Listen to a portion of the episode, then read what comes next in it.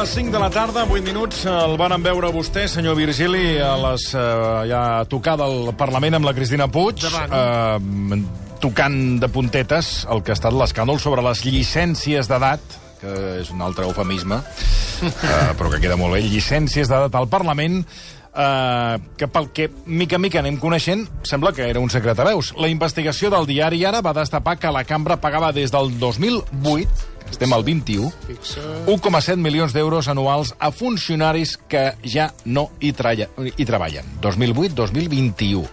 Aprofundirem sobre aquesta qüestió, ho farem amb el periodista i cronista parlamentari Josep Maria Martí. Josep Maria, molt bona tarda. Bona tarda. I bon any, gràcies per acompanyar-nos. I l'Adrià Santa Susagna, que el saludàvem fa poca estona. Adrià, bona tarda. Hola, bona tarda. Uh, amb el Josep Maria i l'Adrià abordarem aquestes llicències d'edat. Això de llicències d'edat... Uh, que és un, aquest eufemisme eh, és un, diguéssim, una tipologia nova de definició del que és eh, cobrar sense treballar, o com o, o es deia així, o com... Una jubilació no, daurada. Sí, però, eh, clar, però és, sí, que, és que ara em, em trobo amb llicències d'edat, que és una manera més, diguéssim, més... Més suau. Ah, que no, no és, és, un, és, un, és un blanquejament sí, sí, del sí, sí, que eren sí. eh, aquest tipus de, seu, de, de sous. No, bé, anem, anem a PAMS. Si vol, si, si vol li afegeixo una cosa... Ah, sí, sí, endavant, endavant. Un lletrat va defensar unes modificacions tècniques a l'any 2017, perquè això hi ha hagut... Ja, diverses vegades molts diputats han sapigut d'això. I sap com ho va qualificar? Perquè era un punt de l'ordre del dia de la, de la Comissió de Governació. Eh, restru... Ho tinc apuntat, perquè reestructuracions i canvis organitzatius aprovats prèviament per la mesa i el Consell de Personal que es porten a comissió perquè tingui més valor normatiu. Així està. Eh, eh, eh, que és estrany, doncs era, això era, era això. Com el contratante de la primera part. Eh? Exacte. No, explicat però, així queda una clar, cosa... Però ho va defensar en comissió, una comissió, a més, presidida per la CUP, ja en parlarem després, ho va defensar en comissió un lletrat. La CUP un lletrat, i els altres van dir... Ah, no... Però la CUP que estaven eh, dormint no, era, era el no, no se'n van assabentar? Miri, després quan parlem... Bueno, ara en parlem. Sí, Va, ara en parlem ja, ja li explicaré molta... coses, ja.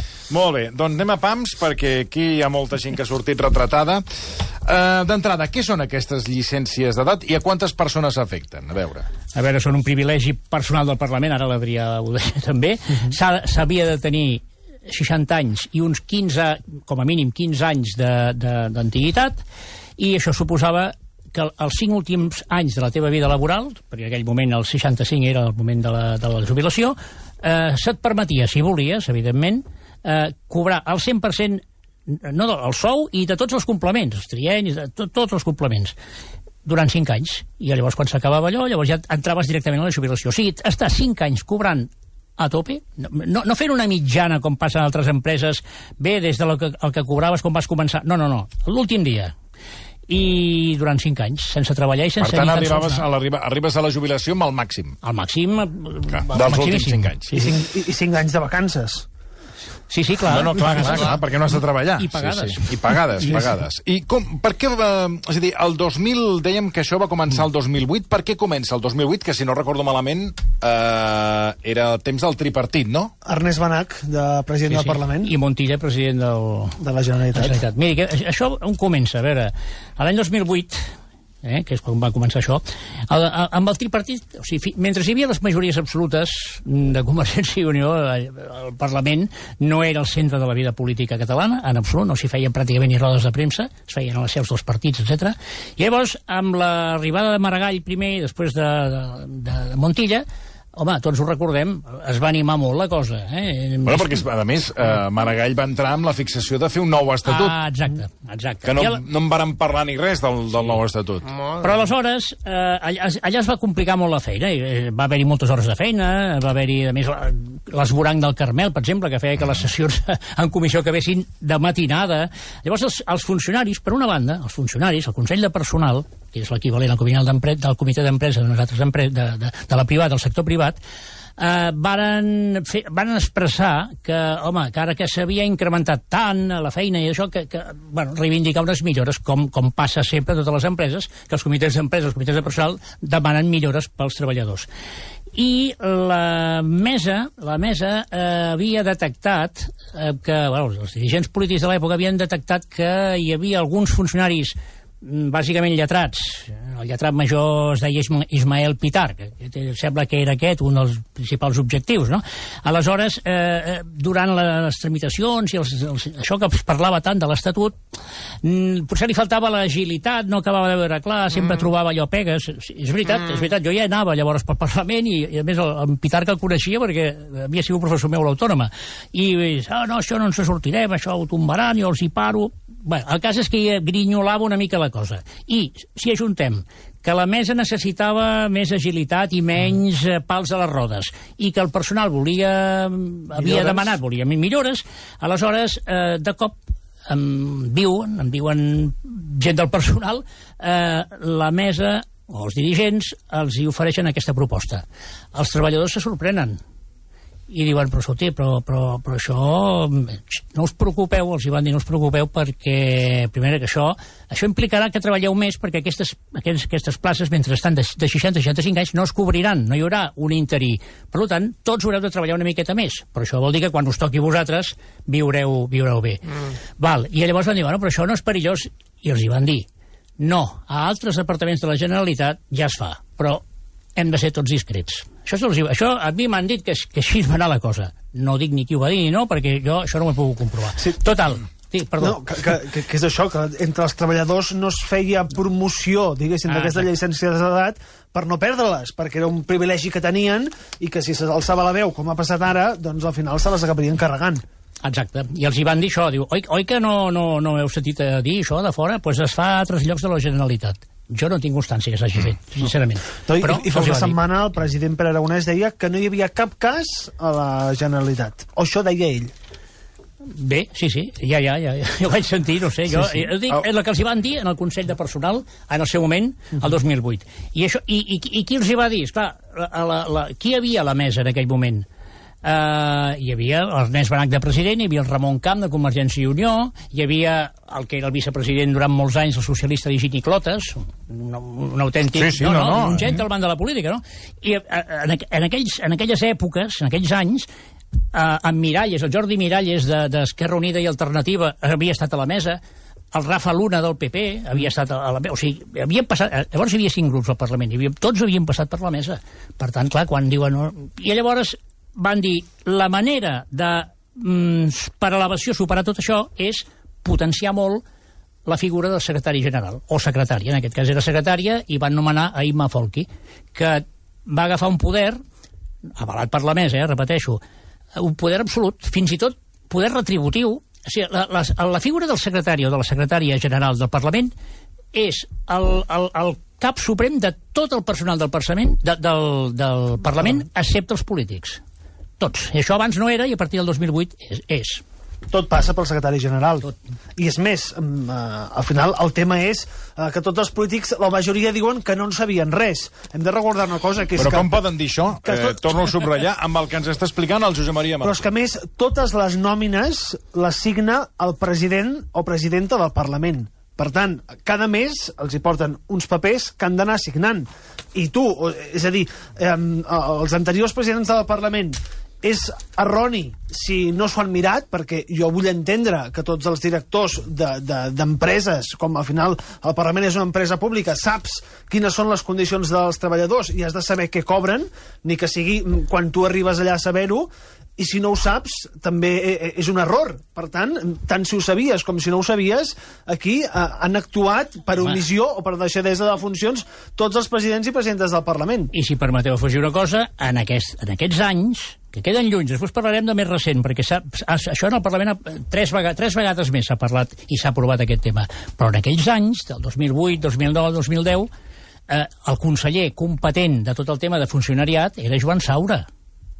I la seva mà dreta era Joan Boada que Joan Boada és un, un diputat dels aquells que es deien en aquella època jabalís, dels, dels, dels duríssims, la dreta, tal, pap, mm, de la Garrotxa, i, i era el secretari general de la Conselleria de Relacions eh, de, de, del tema de funcionaris. I abundant amb el que deia l'Adrià Santa Susana, cada any hi ha uns pressupostos de la Generalitat. Cada any el Parlament és part de la Generalitat, per tant, encara que tingui tota l'autonomia, poder executiu i legislatiu separats, però el pressupost ha de passar per les mans del conseller que era Antoni Castells. O sigui que molta gent ho podia veure, això. I no li dic res ja quan en parlem a les successives... Ara, hi- ara hi arribarem, ara hi I és que arribarem. cada any també s'aprova el pressupost del Clar, Parlament. clar, I clar, per tant cada hi ha any. unes partides desglossades, i hi ha un debat en les comissions, El- el que està hi ha clar- una negociació política. El que està clar pel que expliqueu és que això tothom ho sabia i al, tothom callava. al sortir ara la fotografia tots fan com si no anés amb ells, cosa que a més d'un se li hauria de caure la cara de vergonya. Una de les persones que va ser lletrat major del Parlament des del 1985 fins al 2018 és Francesc Pau. Va reconèixer a Ràdio 4 que aquests privilegis eren un secret, això que deia fa un moment el Josep Maria Martí Rigau, un secret a veus i que ell no s'hi va acollir mai. Se sabia moderadament, és dir, jo ho sabia, eh? però vull dir que anava això amb, amb, veu baixa, per entendre'n. És públic, però no, no era un tema de debat constant, perquè precisament es volia evitar que eh, es revoquessin aquestes, aquesta situació en la que s'estava. El que ha passat ara, no?, que es vol revocar perquè és una situació, jo crec que manifestament injusta. Jo no ho vaig agafar, perquè em sembla un malbaratament de diners públics. Com pot ser que, que els partits polítics ara diguin que no en sabien res? Miri, mm, o fan un acte de de desmemòria, cinisme polític, que, és, que jo crec que és el que és, o bé és que no, no han complert bé les seves, les seves tasques perquè han tingut no, no, la- no l'oportunitat, l'obligació de comprovar, com deia ara l'Adrià, de comprovar el pressupost, de comprovar les partides, i, i bueno, ja li dic, si vol, si vol entrem, perquè és que No, ara, ara- ara anava a- tinc una sèrie de noms que li diré que es quedarà tothom No, parat. no, és que jo ja estic desencaixat amb alguns noms que m'ha dit eh, de l'esquerra que subratllaríem aquí a Catalunya, com eh, per exemple en Boada i Sauda, per tant m'ha sorprès. No, no. El propi Roger Torrent, president del Parlament entre el 2018 i 2020, manté que ell no en tenia coneixement, tot i que en el seu mandat se'n van concedir que aquesta és la qüestió. Se'n van concedir 18. Si haguéssim tingut la informació que es té ara, haguéssim eh, eh, actuat eh, d'una altra manera. I, evidentment, nosaltres celebrem que, tinguent en compte el que se sap avui, la mesa hagi pres aquesta determinació del que és, des del nostre punt de vista, un eh, privilegi que s'ha de revertir. O sigui, això vol dir, pel que explicava el Josep Maria Martí i l'Adrià Santa Susana, que Roger Torrent també ha signat aquestes nòmines. I tant. 18. I, i que en va incorporar 18 de noves. Sí. Llavors, què, què diu ell aquí? I Que va- no en sabia res. I a moments que va haver-hi votació i, i debat d'aquest de si s'actualitzava o no això, que hem d'anar a l'any 2017, que és el- l'any clau, el, el 17, eh, uns mesos abans del, del procés, Del procés. de, de, de, de l'1 d'octubre.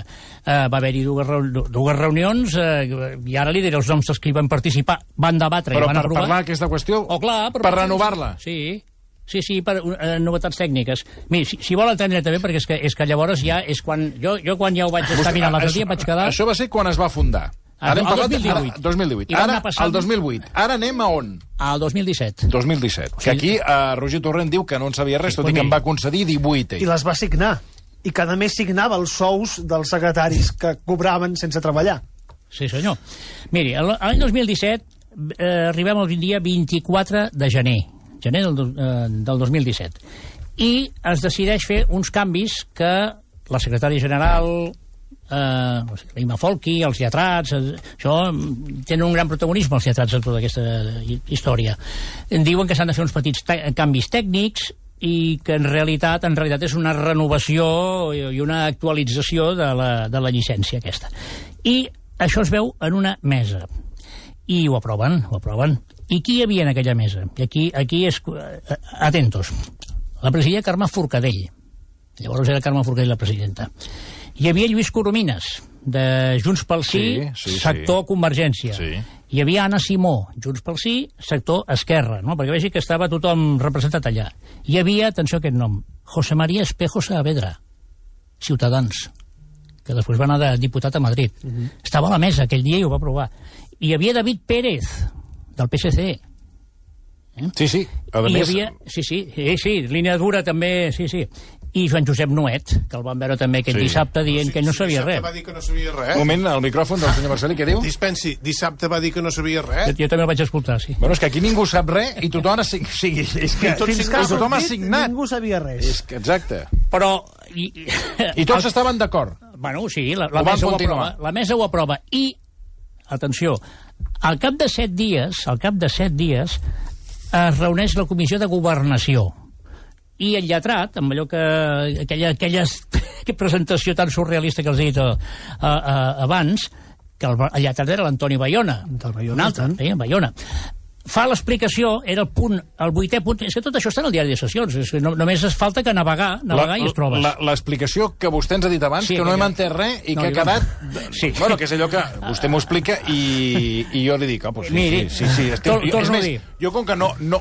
Això demostra també potser una, una gran ignorància per part dels re- nostres no. representants polítics, perquè si vostè em llegeix això i jo no ho sé, dic, ah, doncs em sembla collonat. Endavant. Bueno, és que un dels problemes és aquest, perquè tu parles amb diferents representants de, de la mesa i et diuen, bueno, és que clar, cada reunió tenim no sé quants punts a debatre Sí. i aprovar, Sí. que no pretendreu que, que sapiguem tot o que ens ho llegim tot. Clar, Sí, bueno, allà, aquesta és, és, és l'única cosa, és, és la l'única cosa que, que, els, que els defensa, no? Que, Sí. bueno, que arriba un punt que no sàpiguen... Ja no saps eh, el que llegeixes. I, a més, amb, amb aquest text que vostè m'acaba de llegir, no, que clar... El torno a dir. Sí, Sí, sí. Toni Bayona va dir... Aquest a més, no hi havia masses punts aquell dia. L'últim punt de l'ordre del dia era aquest, aquesta comissió de governació, i era el vuitè. Ah. Tampoc n'hi havia tants. Mm. Estaven cansats, I, I ja. va dir, aquest tema és... Perquè el president era Joan Garriga de la CUP president de la comissió, i va dir que ens explica... No en ten... És evident que no en tenia res, com no en tenim, no, no en tenim res nosaltres, perquè és complicadíssim, això. I llavors li va dir, eh, l'Antoni Bayona ens ho explicarà. I, va, I és quan va dir allò, no, això es tracta de la reestructuració i canvis organitzatius operats i aprovats per la mesa i el Consell de Personal perquè es porten a comissió perquè tingui més valor normatiu. En, en aquesta frase, per mi, està eh, la clau. Sigui, fins ara només era, o sigui, des del 2008 era la, era la, la, hi havia una inèrcia i era la mesa, la mesa, o sigui, pocs, eh, cinc o sis, set, set em sembla que la mesa, són set. Els set que ho aprovaven. I, eh, i, I llavors es considera, els lletrats consideren que això ha, ho ha de validar, protocolaritzar una, una comissió. I al final hi ha una votació. I a la votació 20 vots són a favor, 20, i un s'absté. O sigui, cap vot en contra. I ara deixi'm que permeti que li digui algun dels noms que hi havia en aquesta... Repeteixo, no és la mesa, és una comissió. Carlos Carrizosa, de Ciutadans. A favor. Sí, 20 van... Bueno, sí, 20, No, no, ja, ja, 20 no. van votar a favor i un, i un és, es va és abstenir. per subratllar-ho, és que, per, per, 20 perquè no fos Carrizosa el que es va No, no. abstenir. No, a favor. Bueno, i tam també hi havia la, aquella, la Sierra, No, no, la va- Sònia la Sierra. Sònia Sierra. O sigui que de Ciutadans hi havia la Sònia Sierra i el... I el Carrizosa. I el Carrizosa. Per tant, un dels dos, com a mínim, un dels dos va votar que sí. Per tant, Carrizosa, si ara surt dient que és una vergüenza, Ah, ell ho va votar. Esperi, esperi, que Anna Gabriel també hi era. Ah, Anna Gabriel també estava. I va, i va votar. Lluís Rebell, el cap Sí, de... el, de- el que estava als comuns, d'una sí, època, sí, que sempre estava enfadat. Ah, sempre. exacte, sí. Sergi Sabrià, ah. Guerra, eh? Roger Torrent, era, no era president encara en aquí, era, era, era vocal d'aquesta, era, era membre d'aquesta comissió. María José García Cuevas, del PP, que era una persona que, a més, era, era, era una persona molt preparada, era enginyera, i si tenia algun dubte, el seu marit és notari, per tant li podia haver consultat, no? María José, o sigui, hi havia dos diputats del PP. Lluís Coromines, altra vegada. O sigui, clar, a mi que em diguin el, diput, un diputat de peu que realment tenim molta... Això que l'explicació que deia vostè, que la diuen, no? No tinc temps de mirar-m'ho tot i si el portaveu del grup em diu vota sí, doncs jo voto sí. Home, però és que aquí l'Anna Gabriel, el Carlos Carrizosa, el Sabrià, el Roger Torrent, el Coromí... Oh, bueno, el Rebell, són, eren els caps de llista, eh? Eren els caps. Bueno, votem. O sigui que... Um, la, la qüestió és que ara fa nou mesos Clar, ara arriba, ara eh, aquí qui s'està posant la medalla és Laura Borràs, que veient això diu que va decidir fer-hi alguna cosa. No sé fins a quin punt eh, mm. va decidir ella o veient la...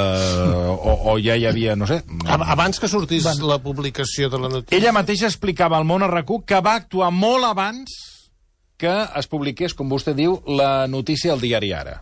Les mesures jo les començo quan canvio el secretari general, perquè per dur a terme aquests canvis necessito una persona que vulgui dur-los a terme i faig aquesta substitució.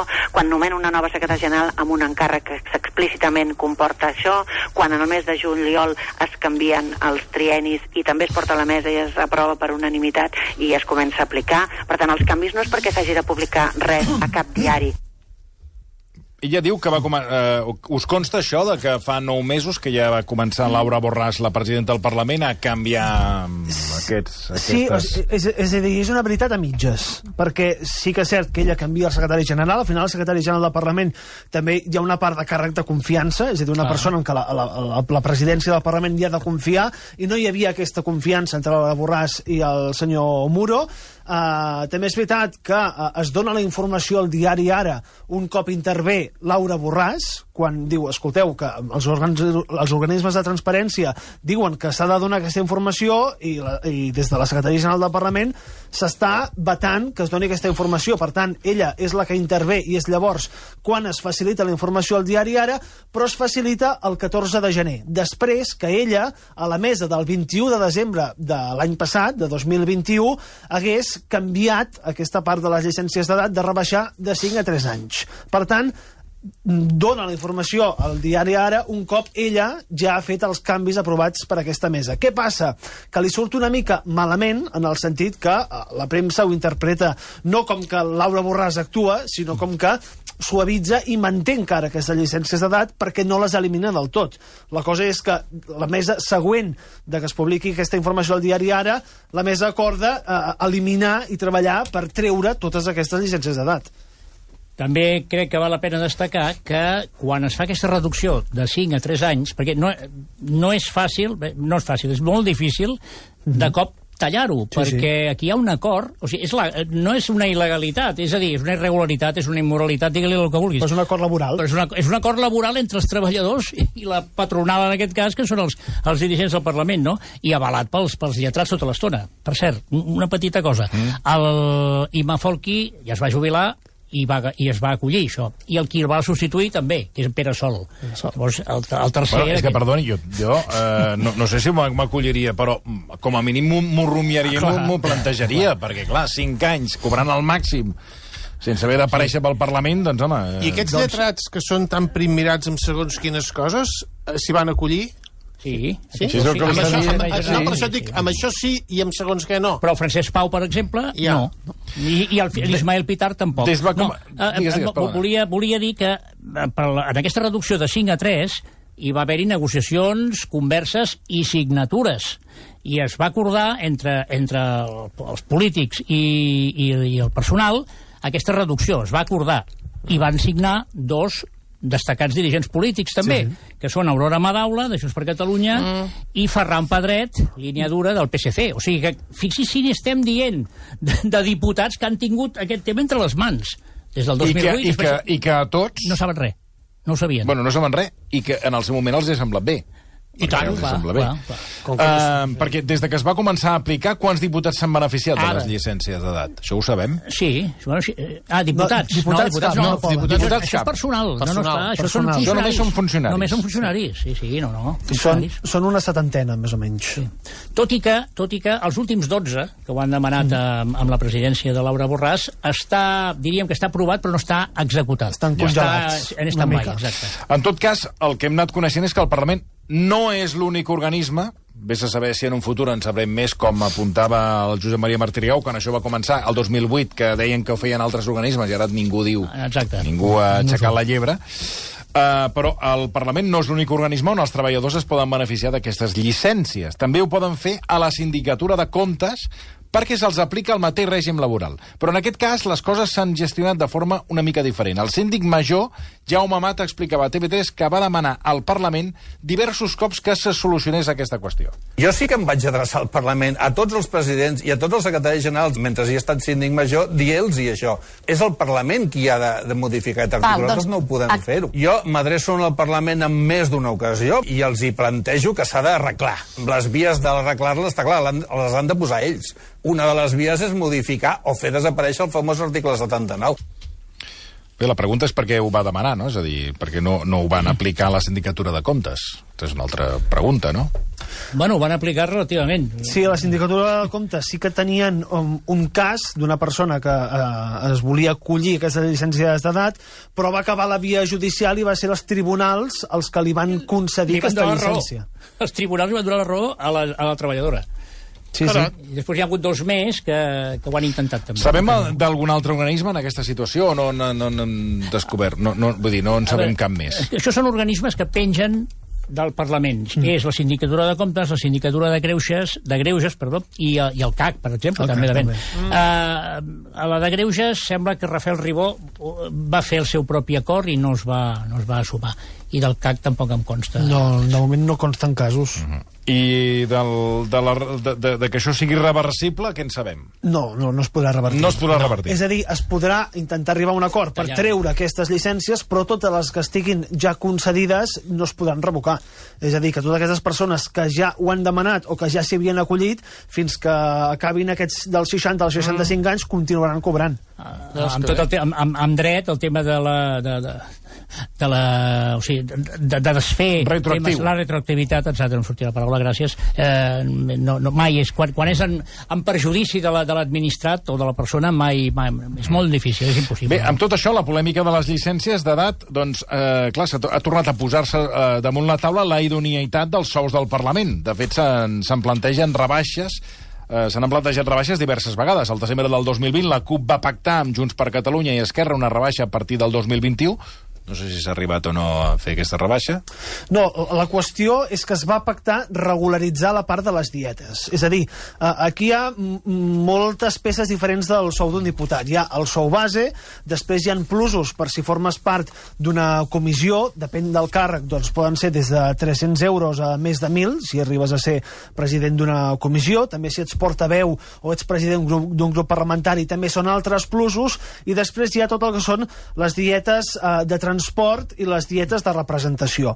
Què passava? Que totes aquestes dietes estaven exemptes de tributar impostos, és a dir, eren diners que rebien nets els diputats, que no havien de justificar ni amb tiquets ni amb res si es movien, si treballaven des de casa, si anaven al Parlament, etc.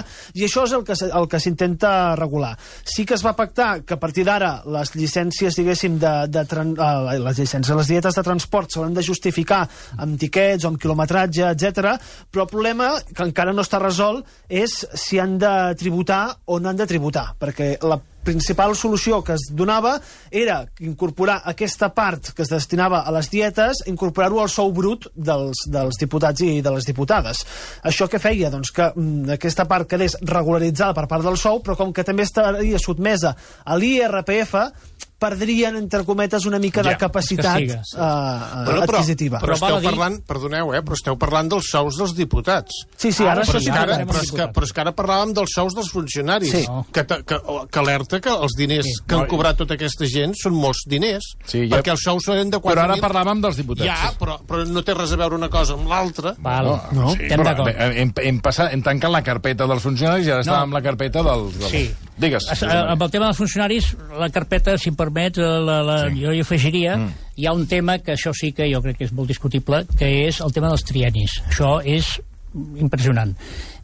Cada tres... eh, No hi ha topall. Amb, amb, amb trienis n'hi ha molt, a molts llocs, i a l'administració n'hi ha gairebé per tot. Però so, sol haver-hi un topall, 4 anys, 5, o sigui, 4 trienis, 3, 5 trienis... Al Parlament en pot fer 10 o 12. O sigui, és, és il·limitat. Cada trieni et pugen al 5% de l'últim eh, de, de, de l'últim sou. Això si es va acumulant i és una barbaritat. Això sí que realment és una cosa que fins i tot a, a, els polítics es posen les mans al cap perquè bueno, es va pactar en el seu És dia. que cobren més, hi ha funcionaris que cobren més que els diputats. No, això de ben no, segur, no, home. això segur. Això està és clar, això és cas- seguríssim. El cas de, dels secretaris generals del Parlament que es van acollir a les llicències d'edat cobraven més per trienis que no pas pel seu sou. Sí, sí, sí, sí efectivament. I amb el tema de, de les de, de, de, del tema fiscal de les, de les dietes, a veure, alerta, perquè aquí eh, sí i no.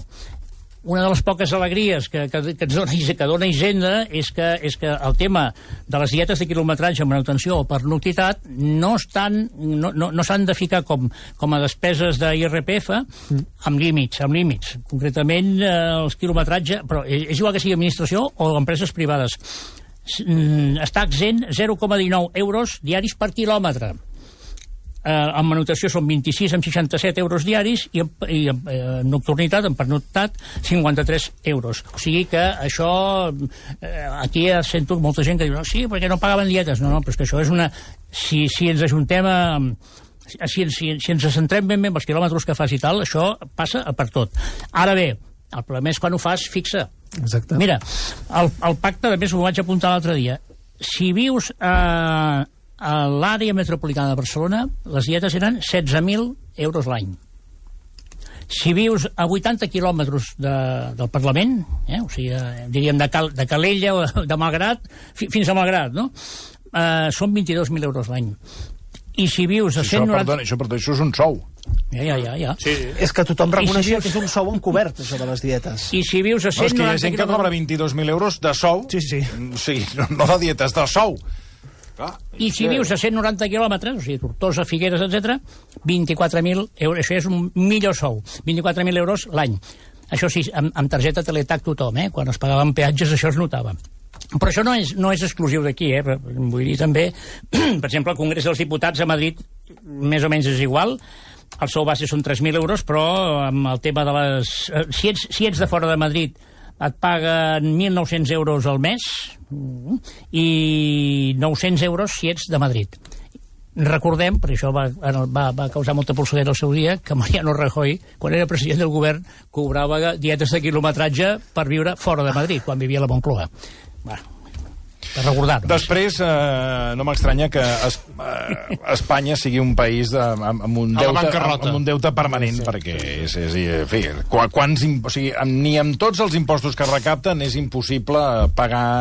Tanta menjadora. mm, Exacte, tanta, tant, ja ho ha dit vostè, tanta menjadora. Escolta, abans d'acabar, eh, la setmana passada vàrem conèixer doncs, eh, aquest auto del, del jutge al voltant del cas d'Eduard Pujol. Avui, eh, Adrià Santa Susana, mm, doncs, eh, has tingut ocasió de preguntar-li a la vicepresidenta de Junts per Catalunya, el Sartadi, doncs, sobre aquest cas i sobre què pensa fer Junts per Catalunya al respecte, no? després de la, de, fi, del posicionament del jutge i del, i, de les, i, del, i del que serà la inculpació d'una de les que en el seu dia van anar a denunciar a Eduard Pujol al, al Parlament de Catalunya i ho van fer, entre d'altres, eh, que després doncs, van dir que, que seria una qüestió personal eh, el Sartadi, i després el Sartadi va sortir i va dir que no, que, que era una qüestió d'assetjament sexual. Avui tu has, eh, li has preguntat al voltant de si pensen fer alguna cosa al partit o no pensen fer res. Sí, els hem preguntat sobre el cas, sobretot després de que, el que comentaves, que, que el país traiés aquesta interlocutòria, Sí. i eh, el que diuen és que és un cas molt delicat, que encara no està tancat, i que, per tant, s'esperaran a que estigui tancat el cas del tot per poder veure què fan. Escoltem, si us sembla bé, el que deia el Sartadi. Nosaltres en el mes de juny, com a partit, l'executiva va prendre una decisió i així també la vam, eh, la vam traslladar que creiem que havien passat un temps prudencial des de la decisió que s'havia pres a l'octubre, que es va restituir eh, de, de militància, que hi ha converses amb el mateix eh, Eduard Pujol, ens, també ens ho trasllada el secretari general del nostre partit, i que per tant s'aixecava la suspensió de militància, eh, que s'havia també eh, començat a tenir aquest diàleg amb ell. Evidentment, és un tema extremadament sensible, en el que eh, és un cas que està judicialitzat, que com a partit estem fent un seguiment amb, amb interès eh, també per veure com, com acaba aquesta, aquesta situació per acabar de mm, anar cap a un costat o cap a un altre tenint en compte les afectacions personals, ja no només professionals, però sobretot personals per les persones implicades i pel mateix Eduard Pujol. Clar, aquí ens trobem en un cas en què la persona que era acusada eh, s'ha convertit al final en la, en la víctima, mm -hmm. no? Com Sí, sí. Eduard Pujol defensava des de, Sí, sí. des de l'inici del cas. Quan hem preguntat a, a la vicepresidenta de Junts per Catalunya, Sartadi, si això l'executiva ho sabia, si tenia constància sí. de que Eduard Pujol rebia aquestes amenaces, eh, ens ha dit que no sabia eh, que això no havia sortit a l'executiva. Què passa? Quan vas rascant per fora i vas parlant amb la, amb, amb la gent off the record, que és el que et diuen, doncs que eh, el dia que es treu de militància Eduard Pujol, se'ls hi dona fet des de dalt, els diuen, escolta, ha passat això i el retirem, però sí que és veritat que molts diputats sabien que Eduard Pujol havia estat eh, víctima d'assetjat. Que ho sabien perquè ell ho havia socialitzat, que ho, ho, ho sabia tothom, diguéssim, però que com que no eh, es va dir a l'executiva per mirar ai, eh, els ais aquests que hi ha a vegades entre les persones de no diguis això, no diguis l'altre, a veure si aixeques la llebre per aquí o a veure si et surten per eh, aquella, aquella banda, doncs no s'havia fet res, però quan es diu que no ho sabien, no és veritat, perquè sí que ho sabien. És a dir,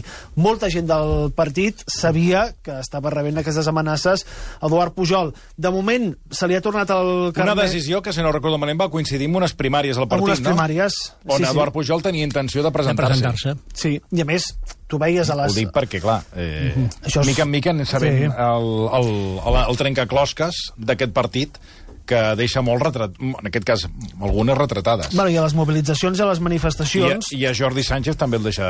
Però estava a la presó el Jordi Sánchez i no tenia tanta visió Sí, de però no pots prendre segons quin tipus Ja. de decisions. Però va haver-hi algú que A va fer una roda de premsa en qüestió d'hores sense, sense ni tan Quan sols es dir... va pactar Sí. amb ell, es va pactar amb Eduard Pujol que no explicarien els motius. Pues mira, Eh? Es pacta amb ell de dir-li tu mm, presenta l'acte de diputat perquè li diuen que hi ha unes denúncies contra ell, això Eduard Pujol el, el, el desborda, i ell accepta, diu, bueno, pues, escolta, pues, uh, val, pre presento l'acte de diputat, direm que és una qüestió personal. Ell fa una nota, diu que és una qüestió personal, i acte seguit, dues hores més tard, surt el certat i explica el que explica. I és que internament encara no s'ha fet la feina d'explicar què va passar amb Home, el cas. pues què va passar, doncs és claríssim. Sí, però vull dir Que, que... que aquí hi ha un sector del partit que va tirar pel dret Però que aquest- no, que no però- volia. però- però aquest I, sector- I el va apunyalar per l'esquena. Ah, aquest sector no va, expli- no va explicar la resta Ah, no, de, clar, de, de diputats. clar, però és que ara que hagi encara, Què és el que segons passava? qui veus, donant aquí explicacions, dius, home, eh, potser hauries de presentar la dimissió. a totes les guerres hi ha moltes víctimes Oh, no, que es diu clar. de foc amic. I en política també. Sí, sí. I Sí, en tant. aquest cas Sobretot. crec que també. Sí, sí, tens, tens tota la raó. És que hi ha una, una, una dita que deia... Ara falta que... Bueno, no la trobaré. Una dita d'un polític italià que deia que els pitjors, ami, eh, els pitjors amics eren els del propi partit. el propi partit, sí. Diu, el Giulio, són- no, va ser el Giulio Andreotti, em sembla que ho va dir. Giulio Andreotti, correcte, Giulio Andreotti, sí, sí. El pitjor, el pitjor amic que pots tenir és l'amic d'un partit amic polític, és- és perquè és el del que, és el que et, i, et I al final aquí hi ha una cosa, i és que se li ha tornat el carnet de militància, però recordem que ell era el portaveu del partit a, al Parlament, Exacte. que ell tenia un acte de diputat. Ell va deixar una feina al seu moment Sí, sí, per dedicar-se a això, i se li ha destrossat la, la, la, la vida personal. Bueno, i va deixar de cobrar, eh? Exacte. Ara que parlàvem de moment, cobrar... Sí, se li ha zero. tornat el carnet, però se li ha, Sí, sí, no, però se li ha, el- no se li ha carnet- tornat cap càrrec. Amb el carnet no menges, Clar, eh? no sé, imaginem-nos, eh, quan hi hagin eleccions municipals, per què no es podria presentar les primàries amb, amb el Sartadi, per exemple? Co- o Amb el Sartadi o- ho veig o- difícil. Contra, Ai, ai. contra el Sartadi, fer unes primàries internes Bueno, per a Catalunya. no sé. Podria anar a les llistes de les Potser ell espanyoles a tampoc té ganes Congrés. ara de tornar al partit, després Veurem. de veure segons qui del partit, perquè, clar, segons quines actituds et passen les ganes. Home, jo, eh, veient la interlocutòria del jutge aquesta setmana, això no és, no és freqüent que un jutge digui això. Home, i- és que eh, Ah. la, el jutge imputa a, a, a, la, no- a una dona, una noia, que li havia enviat, atenció, eh, 3.400 no. e-mails. O sigui, Sí, que, sí, sí. 3.400 e-mails, eh, si això no és assetjament, però, però no ell a ella, no, no, ella amb Sí, ell. sí. Sí, Esclar, I el jutge diu, escolti, no, el desimputo amb ell i imputo amb ella. Clar.